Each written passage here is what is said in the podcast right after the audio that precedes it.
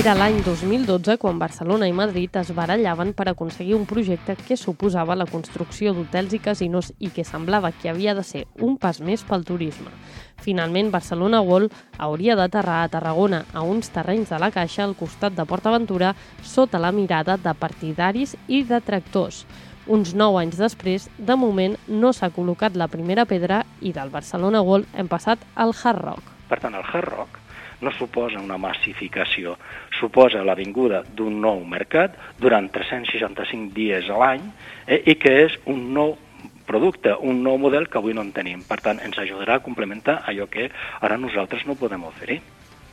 No hem de tenir por, al revés, hem d'estar molt agraïts. Pere Granados, l'alcalde de Salou, sempre ha defensat aquest projecte, igual que els tres diferents governs de la Generalitat de Catalunya que han estat al capdavant durant tot aquest temps.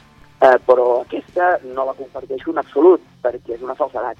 No hi ha cap risc eh, per als diners de tots, que són els diners de la, de la Generalitat, no?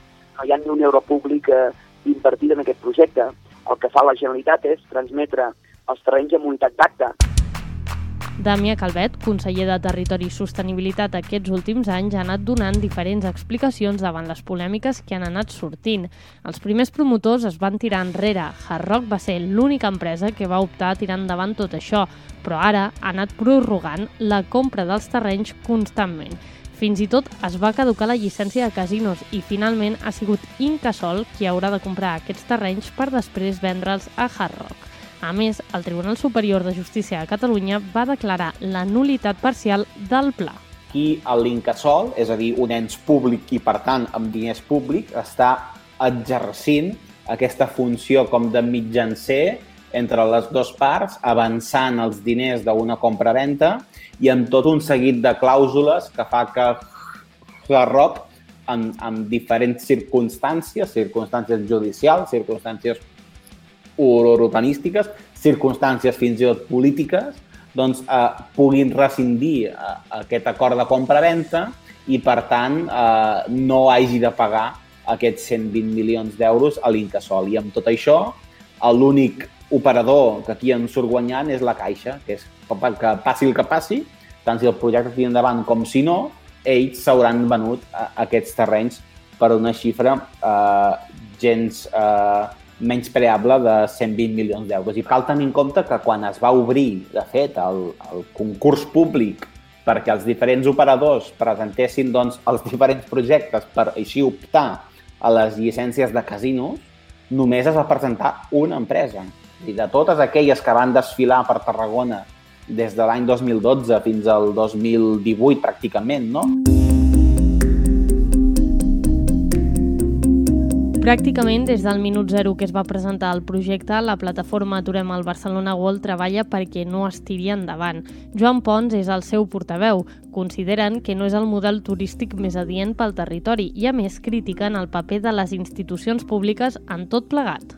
Malgrat que el projecte hagi pogut canviar de nom, hagi pogut canviar de inversió, dimensions o el que sigui, el projecte no deixa de ser un macroprojecte de gran resort fonamentat amb un eix central que són els casinos i el joc.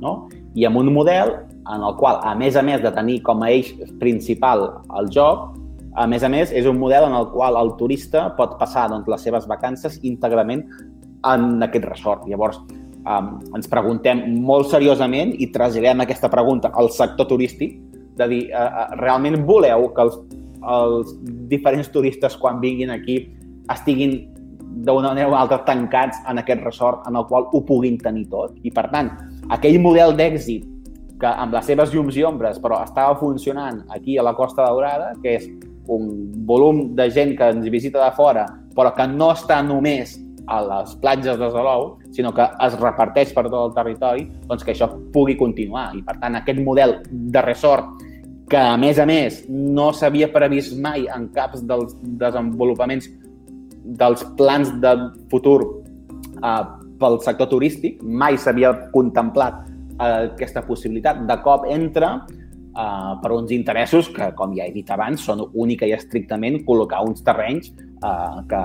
ara mateix eh, són de la Caixa.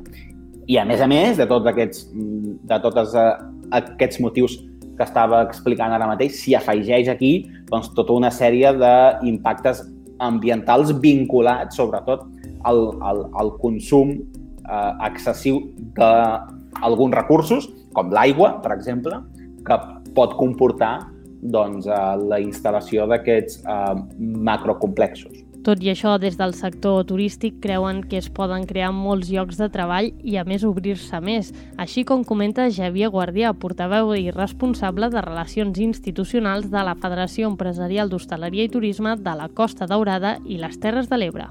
Es pot obrir el món. Jo crec que es pot obrir el món. Amb un americà, PortAventura no, no, té, no té un munt. Hard Rock, el concepte Hard Rock pot ser tenim, quan, quan això funcionava teníem els asiàtics a Barcelona, 100 quilòmetres, i no en venia cap, i el que venia era perquè s'havia perdut, quasi bé. bueno, o sigui, el que sí està clar és que nosaltres tenim un avantatge, que igual com PortAventura ha fet d'esca, nosaltres tenim un gran producte. El que necessitem són esques. Durant aquests nou anys s'han donat diverses dates per començar les obres, però de moment no ha tirat res endavant. Ara, amb la formació del nou govern, ha tornat a sortir el tema a l'ordre del dia. Doncs ara mateix el, el projecte està no, en, en una fase d'espera eh, per veure com, com evolucionen diferents temes. No? D'una banda, tenim tot el tema de, de la sentència que anul·lava el PDU i, per tant, eh, tenim aquesta via eh, que ara mateix està oberta i, de l'altra, la pròrroga que demana l'empresa. Jo crec que el 2021 és, és un any molt diferent als que ens han precedit. Eh, hi ha tot el context, el context de pandèmia, de crisi del turisme internacional i, per tant, crec que és un element més que s'haurà d'afegir a l'equació. No? Una equació en què ara mateix doncs, és un projecte que està, diríem que, que latent, a l'espera de que es puguin resoldre i es puguin desencallar totes aquestes qüestions que, que et comentava. Si no hi ha un gran gir de guió Esquerra Republicana de Catalunya, serà qui encapçalarà aquest govern de la Generalitat. La Raquel Sanz és diputada del Parlament per Esquerra Republicana de Catalunya al Camp de Tarragona i ja han arribat a un preacord amb la CUP sí que hem fet és eh, arribar a un acord amb Esquerra per, per facilitar la investidura de, de Pere Aragonès i en l'acord això malauradament no hi és. Aquesta va ser una de les qüestions que va caure en l'àmbit de, de medi ambient, eh, l'aturada d'aquests ma macroprojectes eh, doncs relacionats no? amb, amb aquest, eh, el turisme eh, no sostenible, eh, no només Hard Rock, eh, hi havia altres qüestions sobre la taula que també eh, van caure, i per part nostra deixem molt clar que allò que no s'ha pogut incloure en l'acord amb Esquerra no són qüestions a les quals nosaltres hi renunciem. Són qüestions en, eh, que en tot cas doncs, ens hi podrem exigir no? en el compliment eh, de l'acord, però evidentment nosaltres continuarem batallant. És que ens va sorprendre moltíssim que Esquerra, no? que una formació que, eh, Esquerra Republicana, que una formació que es fa dir no? d'esquerres, de, eh, sigui incapaç doncs, de, d'entendre que, que menys en un context com el que estem es pot continuar defensant donar 120 milions d'euros per salvar els mobles de la Caixa. Ens va sorprendre moltíssim. Laia Estrada és la diputada de la CUP al Camp de Tarragona. Cal dir que des del partit polític sempre s'han mostrat contraris al projecte. Desconec el, el detall de les negociacions i, i, i desconec el, el per què aquest punt queda fora. No? En tot cas, el, el que et puc dir és quina és um, la intuïció que, que, que puc tenir no? per, per, perquè aquest punt quedi fora. Um, estem davant d'un projecte que no és una qüestió de voluntat política, sinó és un projecte que, com et deia, està latent. No? És a dir, uh, les, la llicència de casino està otorgada, el projecte del PDU eh, doncs, tan bon punt el Departament de Territori acabi la feina eh, no? I, i, i, per tant, això pugui tirar endavant doncs, està sobre la taula. Per tant, no és tant una qüestió de, de voluntat política, sinó ja de, dels terminis i els tempos més administratius que, que es deriven de, de tota aquesta gestió. Per tant, eh, entenc que és difícil comprometre't a una cosa a la qual eh, no, no et pots comprometre. Eh? Crec que, que pot anar per aquí, però insisteixo que desconec la lletra petita de, de les negociacions. Hem intentat parlar amb Junts per Catalunya, però no s'han pogut quadrar les agendes. Tot i això, és un partit que ha defensat el projecte en diverses ocasions. En aquest sentit, l'alcalde de Salou mostrava la seva preocupació per si es paralitzava en un possible govern entre Esquerra Republicana de Catalunya, la CUP i Catalunya en Comú Podem És que uh, sense la CUP, els comuns, eh, el, el projecte està, ara mateix està latent. Per tant, um, a mi aquests, aquestes alarmes, aquest catastrofisme, crec que, crec que ara mateix no, no té sentit. No? El, que ens, el que hem de fer és mirar en quin context ens trobem, aplicar el sentit comú, veure doncs, el context en el qual ens trobem, com et deia, de, de crisi del turisme internacional, analitzar no? si, si l'empresa, que al final és qui s'hi juga els diners, doncs decideix tirar endavant o no. Mm, en el cas d'Esquerra Republicana sempre ho hem dit, no? que eh, vam trobar un projecte que era d'unes dimensions eh, mastodòntiques, segurament no respon al nostre model turístic i no, no passa res, vull dir, quan s'assumeixen responsabilitats s'assumeixen també contradiccions, però també teníem clar que era un, un model que en el seu moment generava consens eh, tant dels agents socials com econòmics com polítics del territori. Per tant, calia posar totes les facilitats no? I, i el govern havia de fer de facilitador perquè un projecte d'aquestes característiques, que implicava llocs de treball, que implicava inversió al territori, pogués tirar endavant. Però també hem tingut molt clar que, malgrat posar totes les facilitats, aquest és un projecte entre privats, aquest és un negoci que servirà per lucrar doncs, eh, no, a, una empresa i que, en tot cas, eh, el que no hi podia haver en cap, de cap de les maneres era despesa pública i aquesta és la, la nostra línia vermella. No? I, per tant, eh, bueno, jo, jo, jo crec que alguns potser estarien disposats a regalar-ho tot. Creiem que, que no s'ha de regalar tot, sinó que les coses s'han de fer bé. La CUP ha anat més enllà i ha portat a antifrau la compra dels terrenys per part d'Incasol. Però a part hi ha una qüestió que és la que nosaltres portem a antifrau, que és aquesta obstinació del govern de la Generalitat per permetre successives pròrrogues en la compra d'aquests terrenys.